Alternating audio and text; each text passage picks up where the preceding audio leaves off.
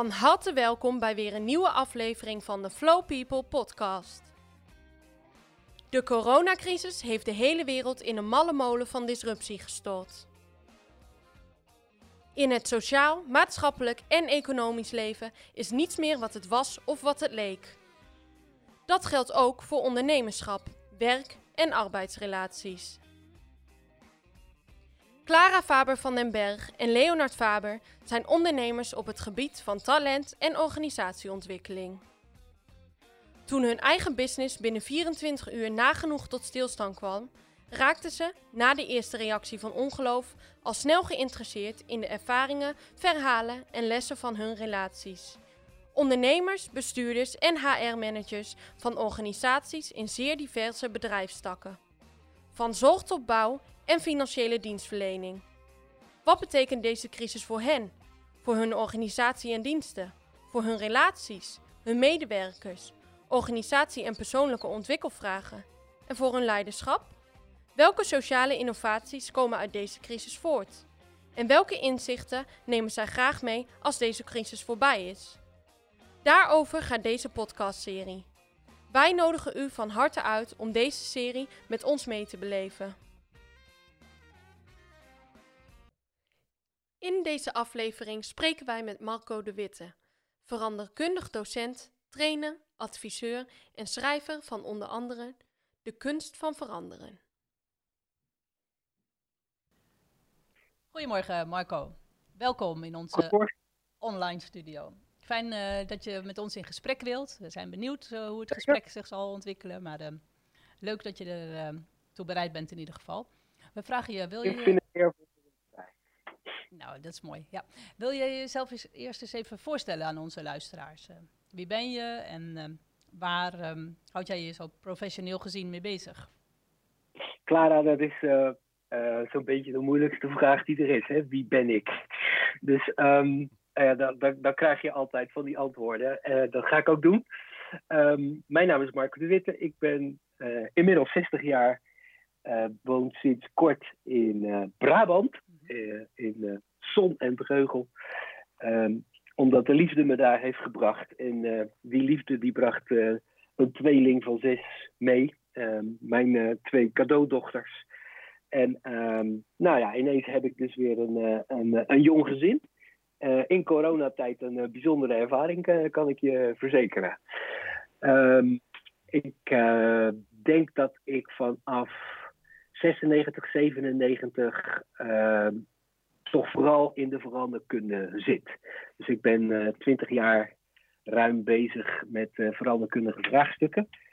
Uh, en dat, uh, dat, dat, doe ik als zelf, zelfstandige. Ehm, en ik mag voor verschillende business schools in Nederland in hun trajecten voor verandermanagement in verschillende rollen acteren. In een aantal als kerndocent. En um, nou ja, ik zeg altijd, uh, ik ben veranderkundige en als het over veranderen gaat, dan wil ik erbij zijn. Of het nou in de publieke of de private, of het nou onderwijs of zorg of uh, in de olieindustrie is. Uh, als het over veranderen gaat, dan wil ik erbij zijn. En um, ik probeer dan eigenlijk ook op de brug tussen theorie en praktijk te staan. Ik heb natuurlijk een, een academisch verleden. Dat, dat gaat ook je hele leven met je mee. Um, en ik vind het mooi om te kijken van uh, ja, wat kan je daarmee in de praktijk en wat leert die praktijk ons nou over de ontwikkeling van het vak. Um, en ik denk dat er, uh, je weet, ik heb uh, een, een, boek gemaakt en sinds dat boek ehm, is het inhoudelijk een beetje klaar. Hè? Mijn visie op veranderen is wel een beetje af. Niet dat die niet ontwikkelt, maar ja, dat is een beetje in de randen. Um, maar er zijn eigenlijk twee vraagstukken die, die mij nog steeds bezighouden. Um, dat is het ene, uh, het derde orde vraagstuk. Uh, dus eigenlijk veel meer de verandering tussen organisaties in ketens, netwerken, platformen. Uh, eigenlijk veel meer systeemverandering, meer dan organisatieverandering. En de andere, en dat is eigenlijk toch wel mijn grootste passie, dat gaat eigenlijk veel meer over het persoonlijk leiderschap van de veranderaar omdat, uh, ja, dat, dat wist ik ook al heel lang. Maar toch, ja, daar heb je toch een tijdje nodig om dat echt uh, ook voor jezelf uh, beter te pakken. Is dat die veranderaar natuurlijk echt gewoon het verschil maakt. En je kan nog zo'n goed idee hebben en nog zo'n goed interventieplan. Maar de wijze waarop je dat leeft, voorleeft, is natuurlijk het allerbelangrijkste instrument wat we hebben. En ehm, nou ja, wij weten ook dat juist in veranderen het ongelooflijk spannend kan worden. En dat we dan onze oudste patronen naar boven halen in plaats van de nieuwe. Dus ehm, juist als veranderaars is het goed om ons daar, ja, om daar um, voor onszelf op te reflecteren hoe we dat doen. Mooi. Dus dat, uh, dat is zo'n beetje uh, wat ik doe. Ja, nou een heel... In, Niet wie ik ben, dat is toch nee, nee, nee, nee, nee, nee, nee. Nou ja, de vraag was ook in het licht van, zeg maar, je, uh, van je professie, hè, dus wat je zo dagelijks ja. doet. Dus het heel mooi dat je er zo alvast een voorzetje geeft, ook hè, welke thema's jou bezighouden en inspireren. Ja. Mooi, ja. En we zitten nu, hè, sinds maart, zeg maar, ja, werden we plotseling geconfronteerd met een behoorlijke crisis, hè, die alles raakt en alles ja. op zijn kop zet. Um, en een grote ja. impact heeft, zowel in de eerste plaats natuurlijk op onze gezondheid en op ons welzijn, maar uh, ook in het maatschappelijk leven en, uh, en uh, de economie raakt. En voor heel veel organisaties en bedrijven ook ontrichtend is. Um, nou ja, wat, wat, wat gebeurde er voor, met jou hè, toen die coronapandemie Nederland platlegde? Hè, wat betekende dat voor jou en wat betekende het voor jouw werk? Kun je daar ja, iets over het, zeggen? Het, um, ik, ik weet nog heel goed, ik stond in de lift op de VU op 12 maart. Ik heb het even opgezocht hoor, dat het 12 maart was, maar het was 12 maart. Ik had een training gedaan met trainees van de VU en toen stonden we om vijf uur in de lift. En uh, zo'n hele grote lift en er was een soort uh, gronzend gesprek over gaan we dicht of gaan we niet dicht. Uh, en toen, nou ja, een van de collega's daar die zei van nou, um, ik denk morgen of anders van het weekend. En ik had echt nog een soort ongeloof. Zo van, ja, het gaat toch niet waar zijn. We gaan toch niet de hele boel op slot doen. En ik, ik was ook nog niet zo heel erg nou, met corona bezig blijkbaar. Dus ik had echt zoiets van, nou ja. Um, nou ja, dat gebeurde dus wel. Dus een soort ongeloof. Uh, toen uh, begonnen allerlei opdrachtgevers te bellen dat ze niet doorgingen. Dus toen moest ik er ook in berusten. Um, toen heb ik denk ik een paar weken gehad van uitrusten. En toen een paar weken van heel veel ongemak. In de zin van niet weten waar het naartoe gaat. Geen grip op krijgen. Uh, wat nog wel kan en niet kan in opdrachten. Enorm zoeken. Um, en, en, die, en die onrust die leidde er ook toe uh, dat ik gewoon geld heb zitten tellen. in de zin van, oké, okay, omzet nul. hoe lang ga ik dat volhouden? Uh, nou, dat was wel een louterende oefening, omdat je dan op een gegeven moment denkt, nou, als je de loonheffing niet hoeft te betalen, dan kan ik nog wel een tijdje uitzingen. Dat maakte wel wat rustiger. En er was één opdrachtgever en die zou drie weken later zou ik samen met lijken van ons een seminar geven, drie dagen achter elkaar. Dat, dat doen we al jaren. En die zei, uh, ja, dat gaan we niet doen.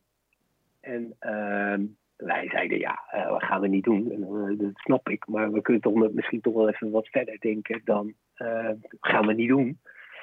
Dus toen zijn Lijken en ik eigenlijk met elkaar in gesprek gegaan van ja, kan je zo'n seminar digitaal opbouwen?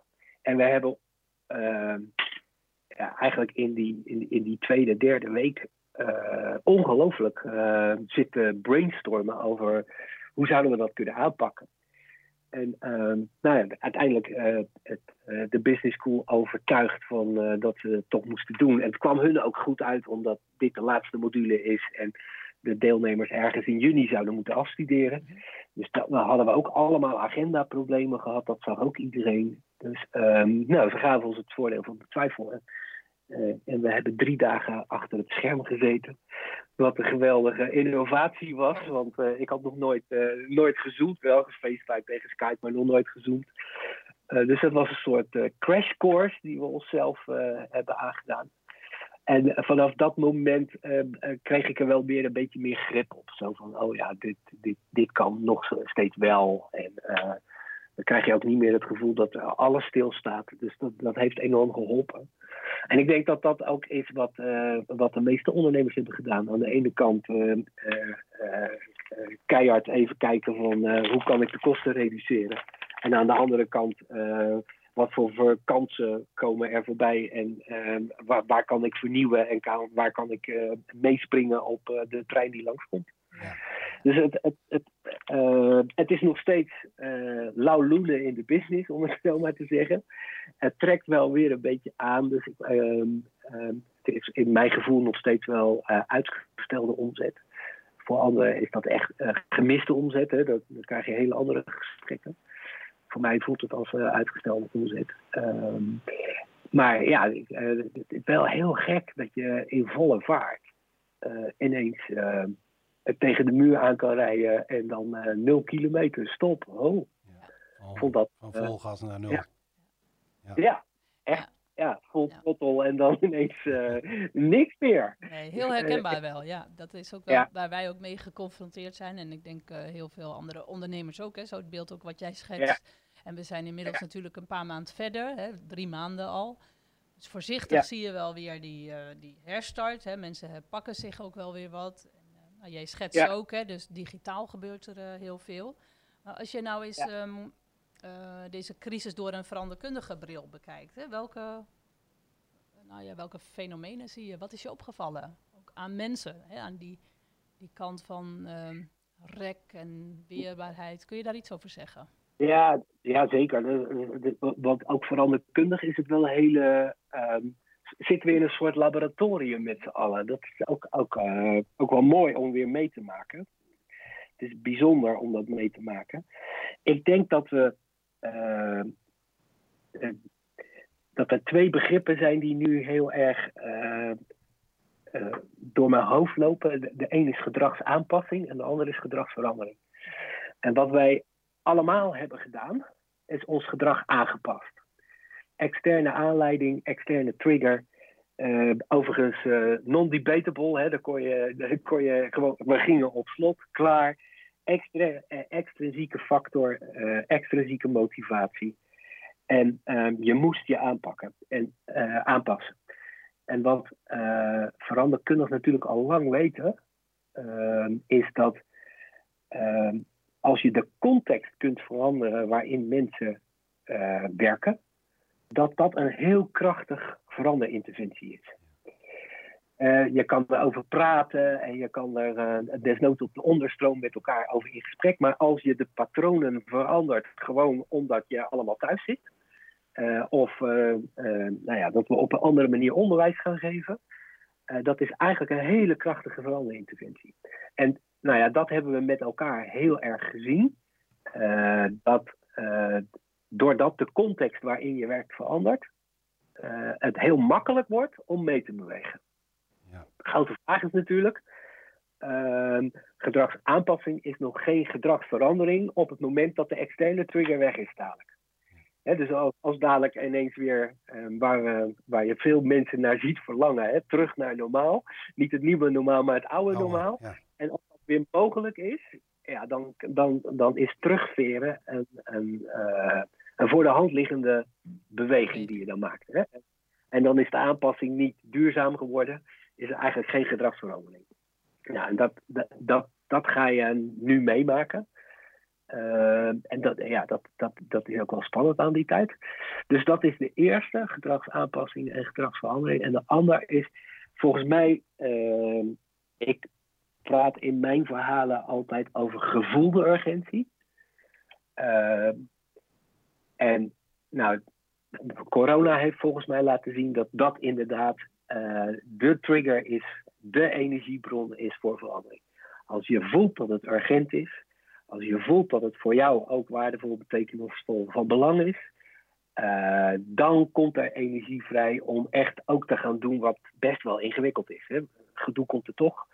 Uh, maar door de gevoelde urgentie.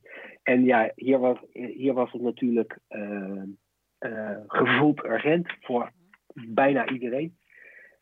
en konden we dus ook allemaal gewoon bewegen. Dus, ehm, en wat, wat ik dan opvallend vind, is dat um, ik ook, dus mea culpa,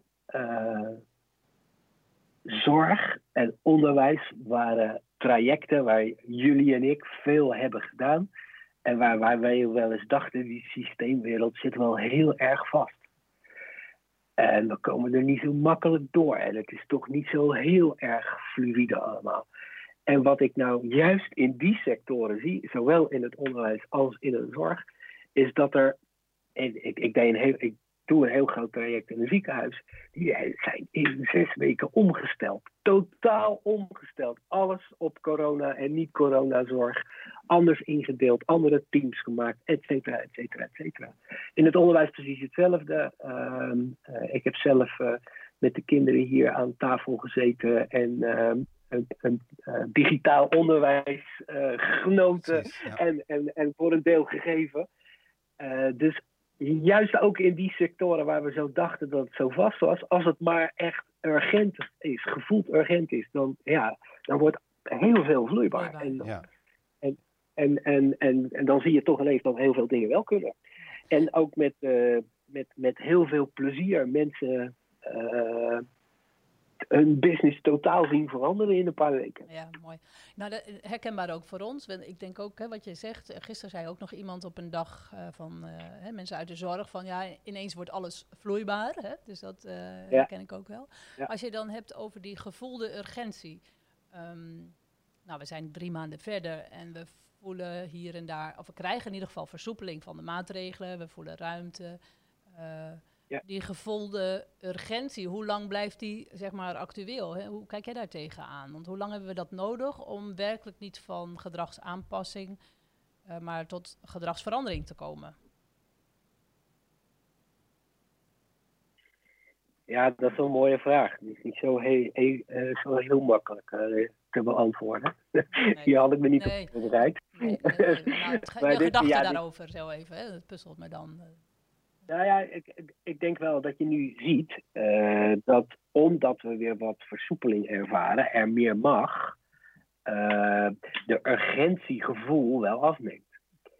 Um, en de, je ziet ook gelijk hoe moeilijk het dan wordt om het vast te houden, om vol te houden. Je ziet het aan de terrassen. Uh, je ziet het aan, hier in Eindhoven hebben ze de kroegen weer gesloten, omdat het met het publiek gewoon niet in anderhalve meter was te doen. Dus dan, ja, dan zie je wel dat uh, uh, ja, als, die, als die, die, die aanleiding verandert en minder krachtig wordt, dat dat ook een, on, onmiddellijk uh, effect heeft. En dus is nu ook wel een van de grote vragen van, ehm, ja, hoe gaan we dit volhouden? Dus, heel eerlijk gezegd, die anderhalve meter economie, dat is een mooi concept. Uh, maar hoe we dat handen en voeten gaan geven met elkaar is natuurlijk wel een enorme uitdaging. Uh, en wat ik, wat ik dan, uh, wat je dan ziet, is dat uh, met name dan weer de bovenstroom dan toch wel de meeste aandacht krijgt. Dat is dan ook weer het meeste Pakken. pakbaar, raakbaar. Ehm, daar kan je nog iets managen, tenminste je het gevoel hebben dat je het kan managen ik, ik vind, uh, als, je, als je kijkt naar de overheidscommunicatie, hè, met, met alle respect voor Rutte en Jaap van Dissel, en, uh, want ik vind dat ze dat echt wel goed gedaan hebben, uh, zie je toch ook dat zij haast in een soort technocratische stand komen. dus wij, wij, wij meten de wereld nu aan het aantal IC-bedden en het aantal opnames en een R boven of onder de 1. En we krijgen een heel technocratisch gesprek. Wat ik dan krachtig vind, is dat zij uh, met, die, met die eenvoudige regels hè, van uh, we werken in principe thuis. We blijven, binnen als, je, als je klachten hebt, blijf je thuis. En we werken op anderhalve meter, handen wassen. En allemaal, we zoeken de drukte niet op. Dat soort ehm, regels die helpen om kader te geven. Uh, maar wat je als veranderkundige weet, is dat moet lokaal op heel veel manieren, uh, plekken betekenis krijgen. En uh, daar zie je, ook begrijpelijkerwijs, hè, Rutte kan dat niet allemaal overzien, maar daar zie je veel minder debat over hoe doen we dit met elkaar. En dat is echt wat noodzakelijk is, om het ook gaan vasthouden. Want anders dan is het alleen maar drukken, drukken, drukken. En op het moment dat de aanleiding uh, wegvalt, uh, veert die terug. Want dan, dan, dan is het niet van ons geworden. Dus in dat in, dat, in die dialoog, in dat gesprek over wat betekent het nou hier in, uh, in de plek waar wij zijn en waar wij werken en waar wij leven. Uh, ja, daar zie je veel minder aandacht voor. En dan weet je, ja, dan kan je haast voorspellen dat het geen, niet duurzaam kan worden. En dan komt het niet van extrinsiek naar intrinsiek. Hè? En uh, we zeggen zo vaak, uh, je hebt intrinsieke motivatie nodig voor veranderen. Dat is niet waar. Maar om het vol te houden, heb je wel intrinsieke motivatie nodig. Dus in die end moet de aanleiding intrinsiek gaan worden. Moet ik het ook zelf op een andere manier willen gaan doen. Want dan hou ik het vol. En, en, en daarom is deze tijd.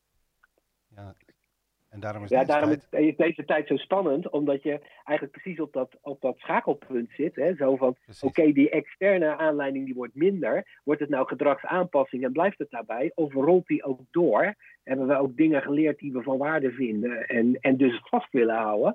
En hoe doen we dat dan?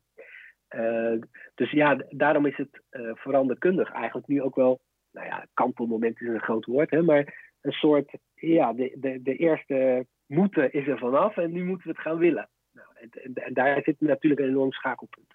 Nou ja, dat, dat gevoel heb ik ook al, ook als je kijkt naar... Uh, uh, ik dacht, zeg maar, in je inleiding toen je je voorstelde, zei je van nou, ik ben steeds meer geïnteresseerd geworden eigenlijk in die derde orde veranderingen, systemen. Ik dacht, ja. nou, um, ja. hier heb je hem. Um, ja. En de vraag is nu op dit kantelpunt van, hebben we hem nu of niet? Hè? We hebben hem in elk geval in het begin gehad noodzakelijkerwijs. Um, ja. Veren we nu terug of veren we niet terug? En dat is misschien wel een interessante vraag aan jou, uh, Marco. Van, um, zeg maar, uh, wat zie jij daarin als uh, rol voor leiderschap? Dus in, in als je kijkt naar totale systemen, had je het net al over, zeg maar, Rutte mm -hmm. en Van Dissel en dergelijke.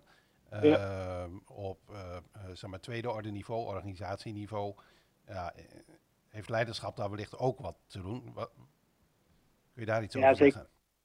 Zeker, ja. ja. ja. Um,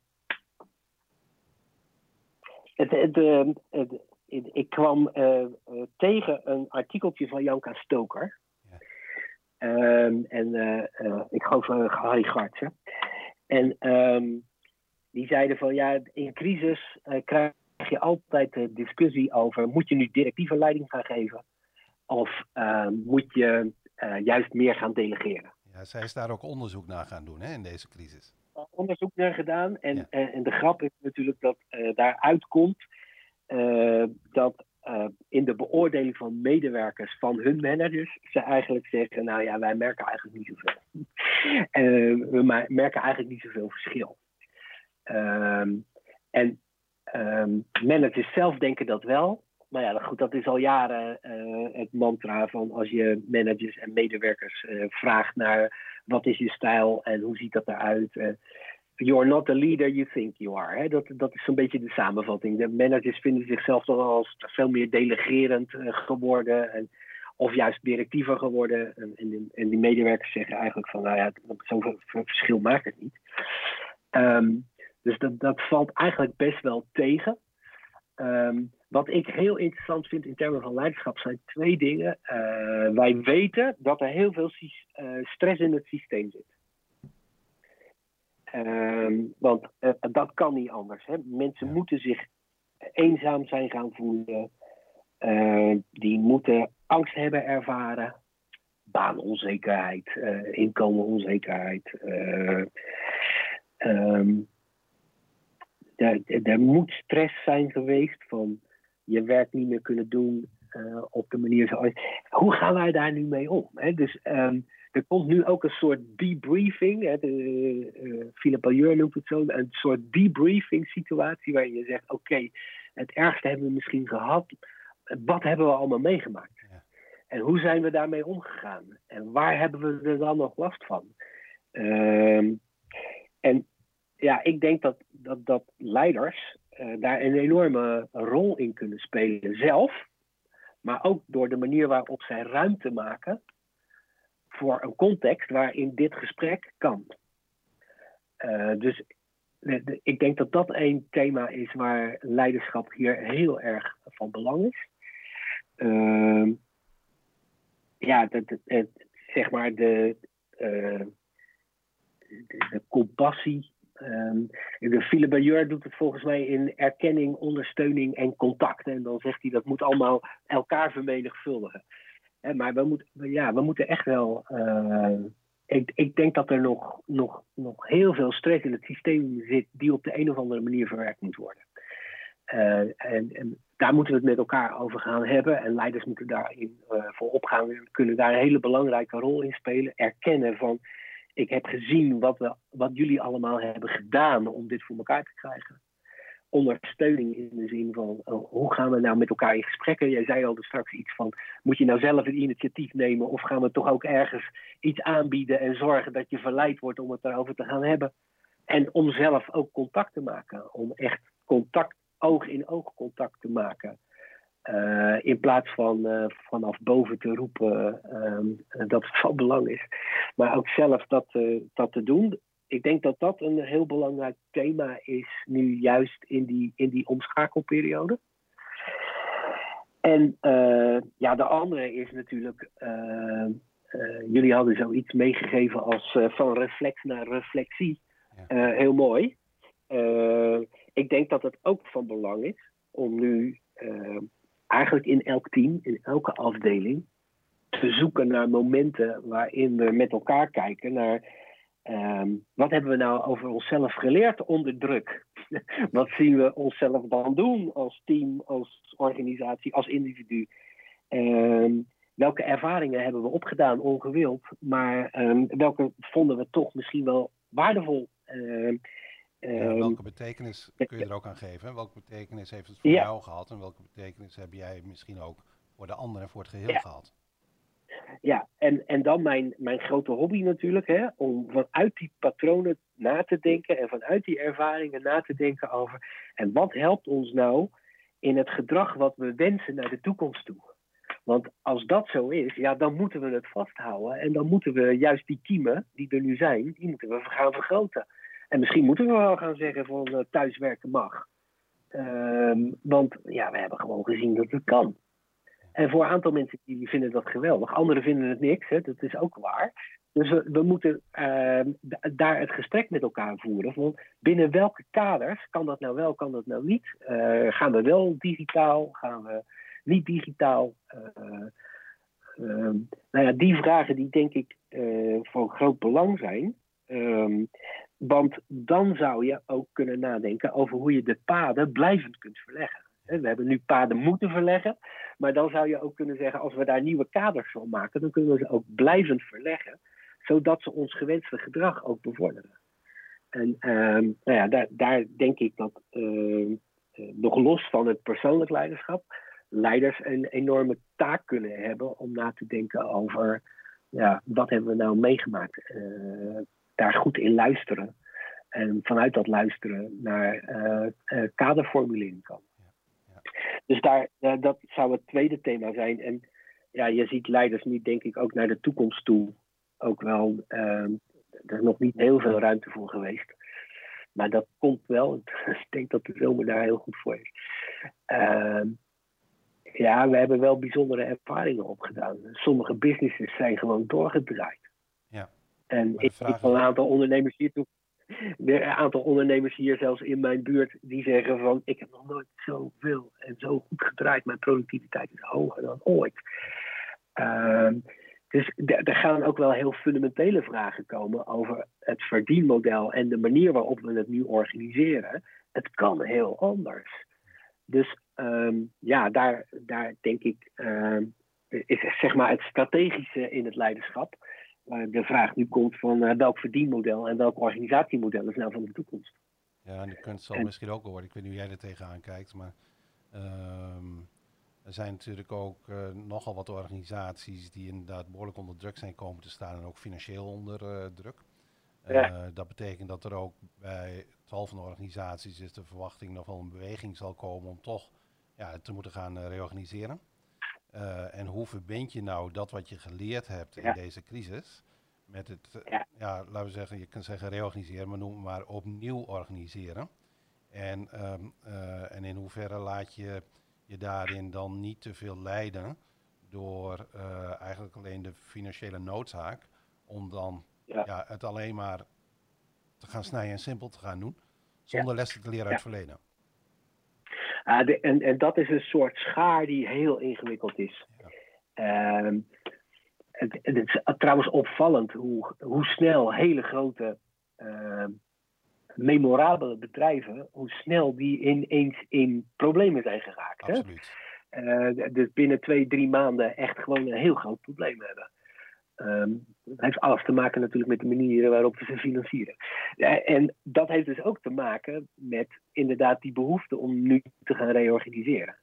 Maar reorganiseren doen we natuurlijk uh, op de oude manier, met, met het oude systeem, met heel veel regeltjes, die het oude ook heel erg weer vasthouden in plaats van het nieuwe. En daar komt de schaar. Jij zei het mooi, hè? reorganiseren of opnieuw organiseren tegen minder kosten, ja, dat, dat is eigenlijk het echte vraagstuk. En uh, we zitten in een schaar, want uh, als je dat gaat doen, dan kom je ook in dat oude patroon van hoe we gewend zijn om te reorganiseren. Met vakbonden, met ondernemingsraden, met overleg, met grote plannen. Uh, terwijl je juist in deze situatie zou zeggen, aangezien we het niet weten, wel eerst een goede ervaring hebt gedaan, gaat het over nieuw organiseren inderdaad op een manier dat het rendabel kan zijn. Ehm, en hoe ziet dat eruit? En dat is eigenlijk een ander soort vraag. Uh, dus daar, daar komt een enorme schaar. Het afschalen is niet hetzelfde als uh, reorganiseren op de oude manier. Precies. ja. En uh, nou ja, dat, dat, dat is natuurlijk een, uh, een, een, een, vraag die je wel kan formuleren, maar die ieder toch weer moet zoeken van hoe die daar antwoord op geeft. Ja. Ja. Nou, maar goed, het is een forse uh, uitdaging, denk ik, voor heel veel organisaties. En... Ja, en ik weet niet wat, ik weet niet, want jij zei daar dus straks iets over en dat, dat triggert me al een paar dagen. Uh, ik weet niet hoe jij daar naar kijkt. Uh, ik heb het gevoel dat, zeg maar, dat systeemvraagstuk, dat toont zich nu enorm. Tegelijkertijd zie ik een soort Pavlov-reactie naar terug naar je eigen organisatie. Eerst zelf overleven, en dan pas weer die interorganisatieontwikkeling oppakken. Uh, en dat, dat, dat, dat vind ik ook heel spanningsvol. Daar, daar, daar zit ook zo'n paradox, zo'nzelfde spagaat. Uh, en ja, de, de, volgens mij toont het allemaal aan dat we een systeemprobleem hebben. Uh, tegelijkertijd, hoe moeilijk is het om het als systeemprobleem ook beter te pakken? Ja, dat is natuurlijk zo. Dus en, en dan gaan we weer ja, en dan gaan we terug weer allemaal naar onze eigen cirkel van invloed. Hè. Kofi uh, speelt dan weer op. Uh, en dan, uh, ja, dan gaan we zelf toch eerst weer overleven, onszelf weer herorganiseren. En want dan zijn we er weer klaar voor. Terwijl ja, de grote vraag is dan natuurlijk of dat nou echt voor het systeem, op het systeemniveau een passende, op, passende verandering is. Ja. Nou ja, misschien ja. kunnen we daar ook iets leren van. we noemden ze net in het voorgesprek al even. We hebben gisteren een dag gehad met zorgveranderaars. We hebben het daar ook gehad over gedachtegoed en de principes van Ubuntu. Wat natuurlijk heel mm -hmm. erg uitgaat van, um, uh, zeg maar, ik ben omdat wij zijn, ja. dus deel van het geheel. En uh, ja. in feite gaat het uh, in die gemeenschap om het geheel. Um, ja. En in onze meer westerse maatschappij is het heel lang natuurlijk vooral gegaan over nou, dat het mij goed gaat. En uh, eigenlijk het individu voor het collectief. Ja. Terwijl het Ubuntu ja. gedachtegoed meer ja. is het collectief. Nou, misschien niet helemaal voor het geheel, maar als, laten we zeggen, je bent deel van dat geheel. En dat besef, dat zou ons wellicht kunnen helpen. Maar dat vraagt wel een heel andere, ook wellicht maatschappijvisie. ja, ja eens. en, en daar zit daar zitten natuurlijk grote vragen voor leiders op dit moment. Um, en um, ja, die zijn heel uitdagend. Wat, je ziet, en, um, uh, dat eigenlijk op, dat systeem, op het systeemniveau is er heel veel onmacht. Dit, we, we, zien wel dat die systemen in in de knel raken. Van voedsel tot water, tot zorg, tot onderwijs. Um, maar dat we eigenlijk uh, onmachtig zijn om daarin te organiseren. Ja. Um, de, de, de, nou hebben we het echt over dat derde orde vraagstukken. ehm, dat we onmachtig zijn om dat te organiseren. En wat er dan gebeurt, is dat we op het niveau daaronder ehm, gaan roepen van als jullie nou eens wat meer ruimte zouden krijgen en je professionele taak pakken, uh, lost dat probleem dan in die wijk voor die cliënt, voor die leerling dan gewoon op als samenwerkende. Maar als het systeem daaromheen dat eigenlijk niet bevordert, uh, en door wet en regelgeving en bekostigingssystematieken er haaks op staat, dan vergroot dat alleen maar de onmacht.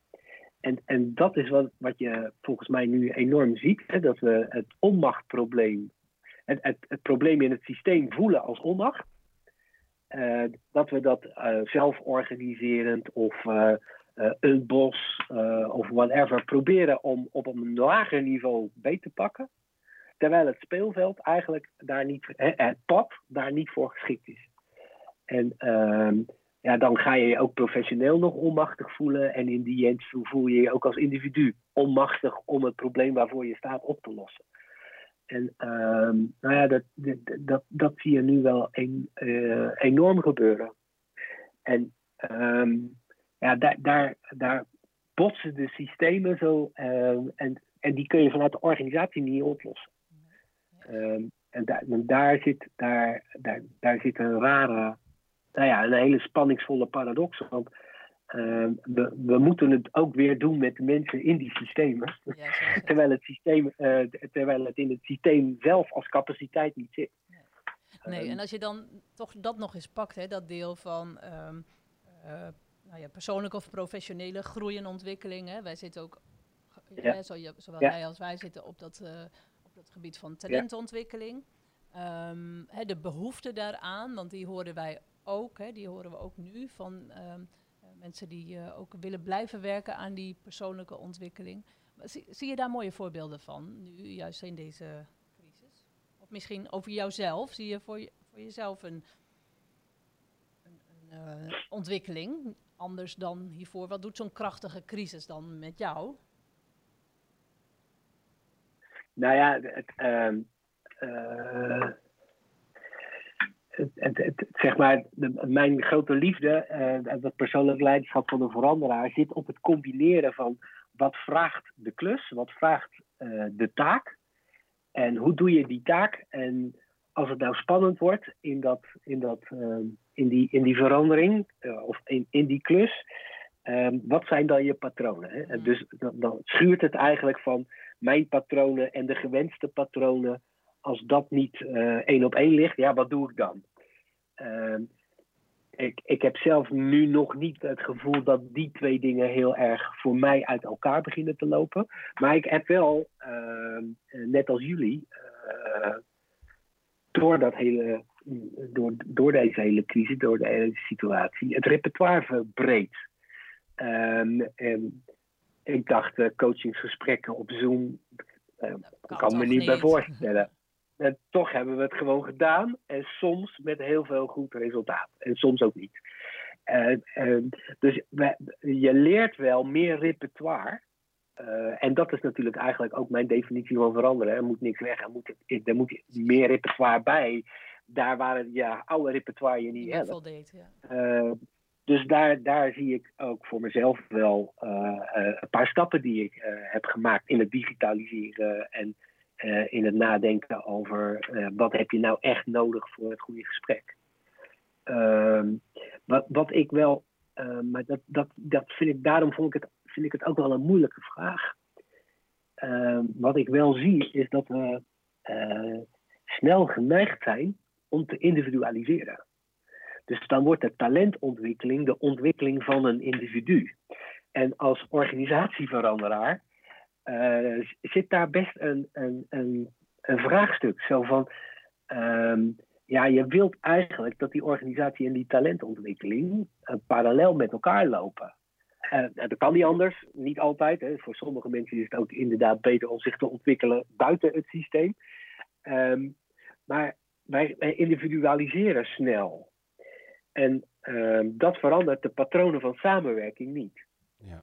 Dat kan, maar dat hoeft niet per se zo één op één uh, op te lopen. Dus um, wat, wat wat de uitdaging is, denk ik, is om te blijven nadenken over hoe dat schuurvlak zit. Zo van waar willen we met elkaar naartoe? Welke van mijn patronen zijn dysfunctioneel in dat kader en hoe ga ik die dan verleggen?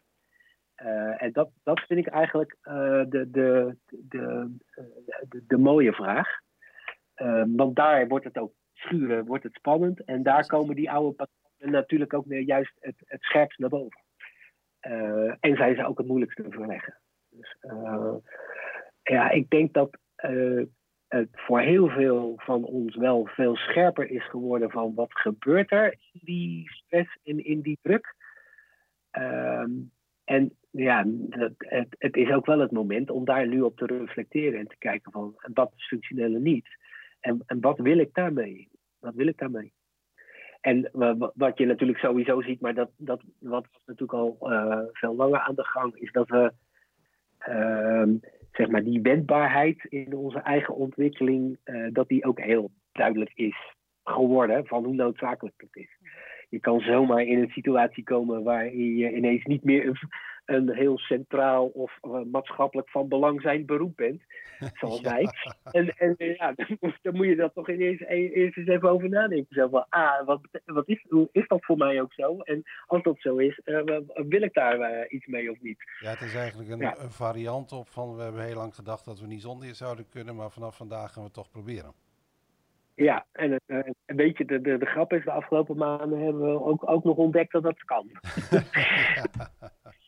Ja. Nou, als we dan zo, want we gaan naar een afronding toe, uh, Trouwens, voor, ja. voor leidinggevenden is er natuurlijk wel een thema wat uh, in hun ontwikkeling heel erg van belang is. En dat is natuurlijk leidinggeven op afstand. Want als we, zeg maar, ehm, nou ja, eh, het willen gaan volhouden. Ehm, dat we minder kilometers maken, dat we meer gespreid in werkuren maken, et cetera, et cetera. Dan is dat wel een blijvend dingetje. Uh, en ik heb daar veel leiders de afgelopen maanden mee zien worstelen. En misschien wel de meest gestelde vraag aan mij van, hoe doe je dat op afstand? Juist. Ja. Ja. ja. ja. Nou, en als we dan die vraag nog eens pakken, ook als het gaat over, um, nou laten we zeggen, laten we naar een afronding toe werken. Ehm, en die vraag, hè, als je die nou eens even eh, centraal staat, want toevallig heb ik hem van de week in intervisie ook gehad met allemaal leidinggevenden, van hoe, uh, hou ik, uh, hoe blijf ik zichtbaar, maar ook hoe houd ik zicht op mijn team en wat kan ik vanaf afstand beïnvloeden. Heb je dan voor naar de toekomst, hè, even vanuitgaande dat we misschien toch ook wel op afstand blijven werken, heb jij wat richting, heb je wat advies van wat zijn nou goede... Nou, Um, het zal je misschien niet helemaal verbazen, maar ehm, als die vraag op mij afkomt, dan kijk ik eerst eens goed op het scherm. Van wat daar nou achter gebeurt. Want waarom stel je nou eigenlijk die vraag? Het is toch dat jij het gevoel hebt dat je controle verliest. En uh, waar gaat het nou eigenlijk over? Want ja, ik zeg altijd: you're in charge, not in control, met lijken. Uh, dus ja, hiervoor was je ook al niet in controle. Uh, wat is er nou wezenlijk voor jou veranderd? Wat komt er nou ineens naar boven waarom dat nu belangrijker wordt voor je, lijkt te worden? Uh, dus, dus, dat is eigenlijk mijn eerste vraag. Um, en de, en, uh, de tweede vraag gaat natuurlijk over: um, kun je diversiteit hanteren in de zin van dat je ziet dat sommige van je medewerkers het echt heel geweldig vinden, taakvolwassen genoeg zijn, uh, het met privé ook uitstekend kunnen rooien.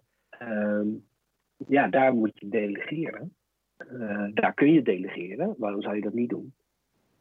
Ehm, en kan je meer aandacht besteden aan degene die juist in dat soort situaties eenzaam worden? En zou je daar uh, een ondersteuning voor kunnen bieden? Uh, waarom zou je die mensen niet dichter bij je halen? Zeker als dadelijk meer ruimte komt om uh, weer wat fysieker uh, in de fysieke ruimte te werken. dus het vraagt ook een, een, soort scan van hoe ziet mijn team er nou uit en daarover in gesprek te gaan. Wat ik er straks al zei. En dan te kijken of je um, welke mate van diversiteit je zelf aan kan en je mensen ook aan kunnen. Ja. Ja. Uh, want um, ja, zelforganisatie gaat natuurlijk tot het niveau dat je weer ergens een kader nodig hebt om je te richten. Nou, en sommige mensen gaan daar veel verder in dan anderen. en, en kun, je, kun je ook zelf daar zeg maar je eigen stijl op aanpassen.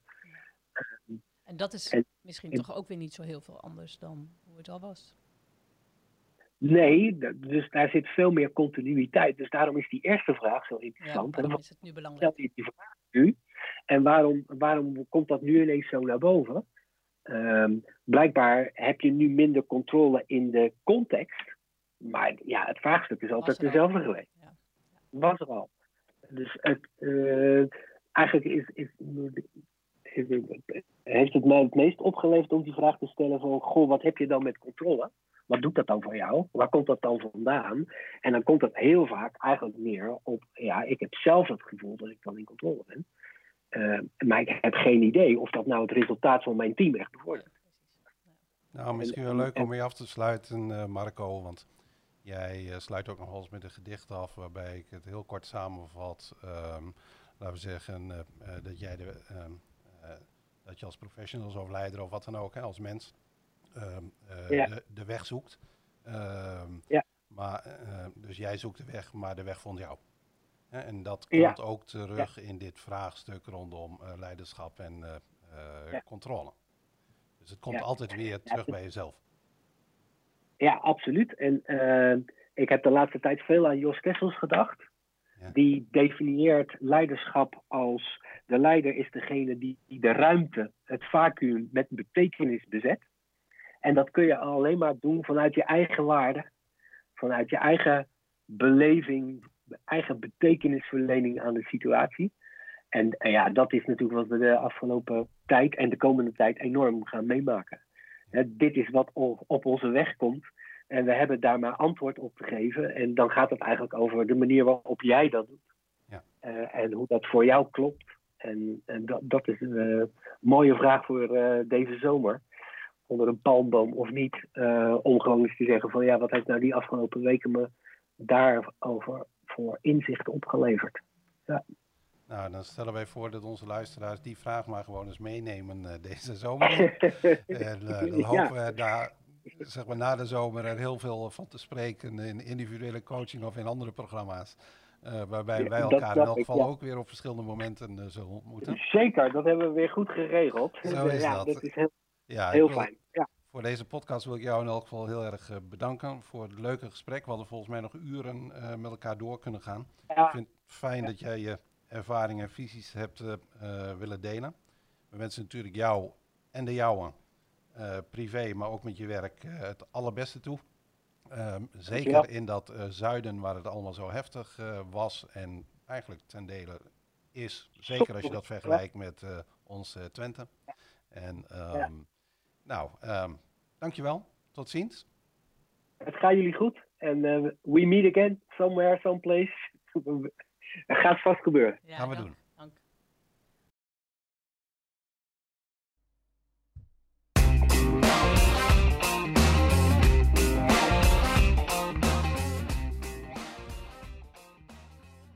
Hartelijk dank voor het luisteren naar deze podcast.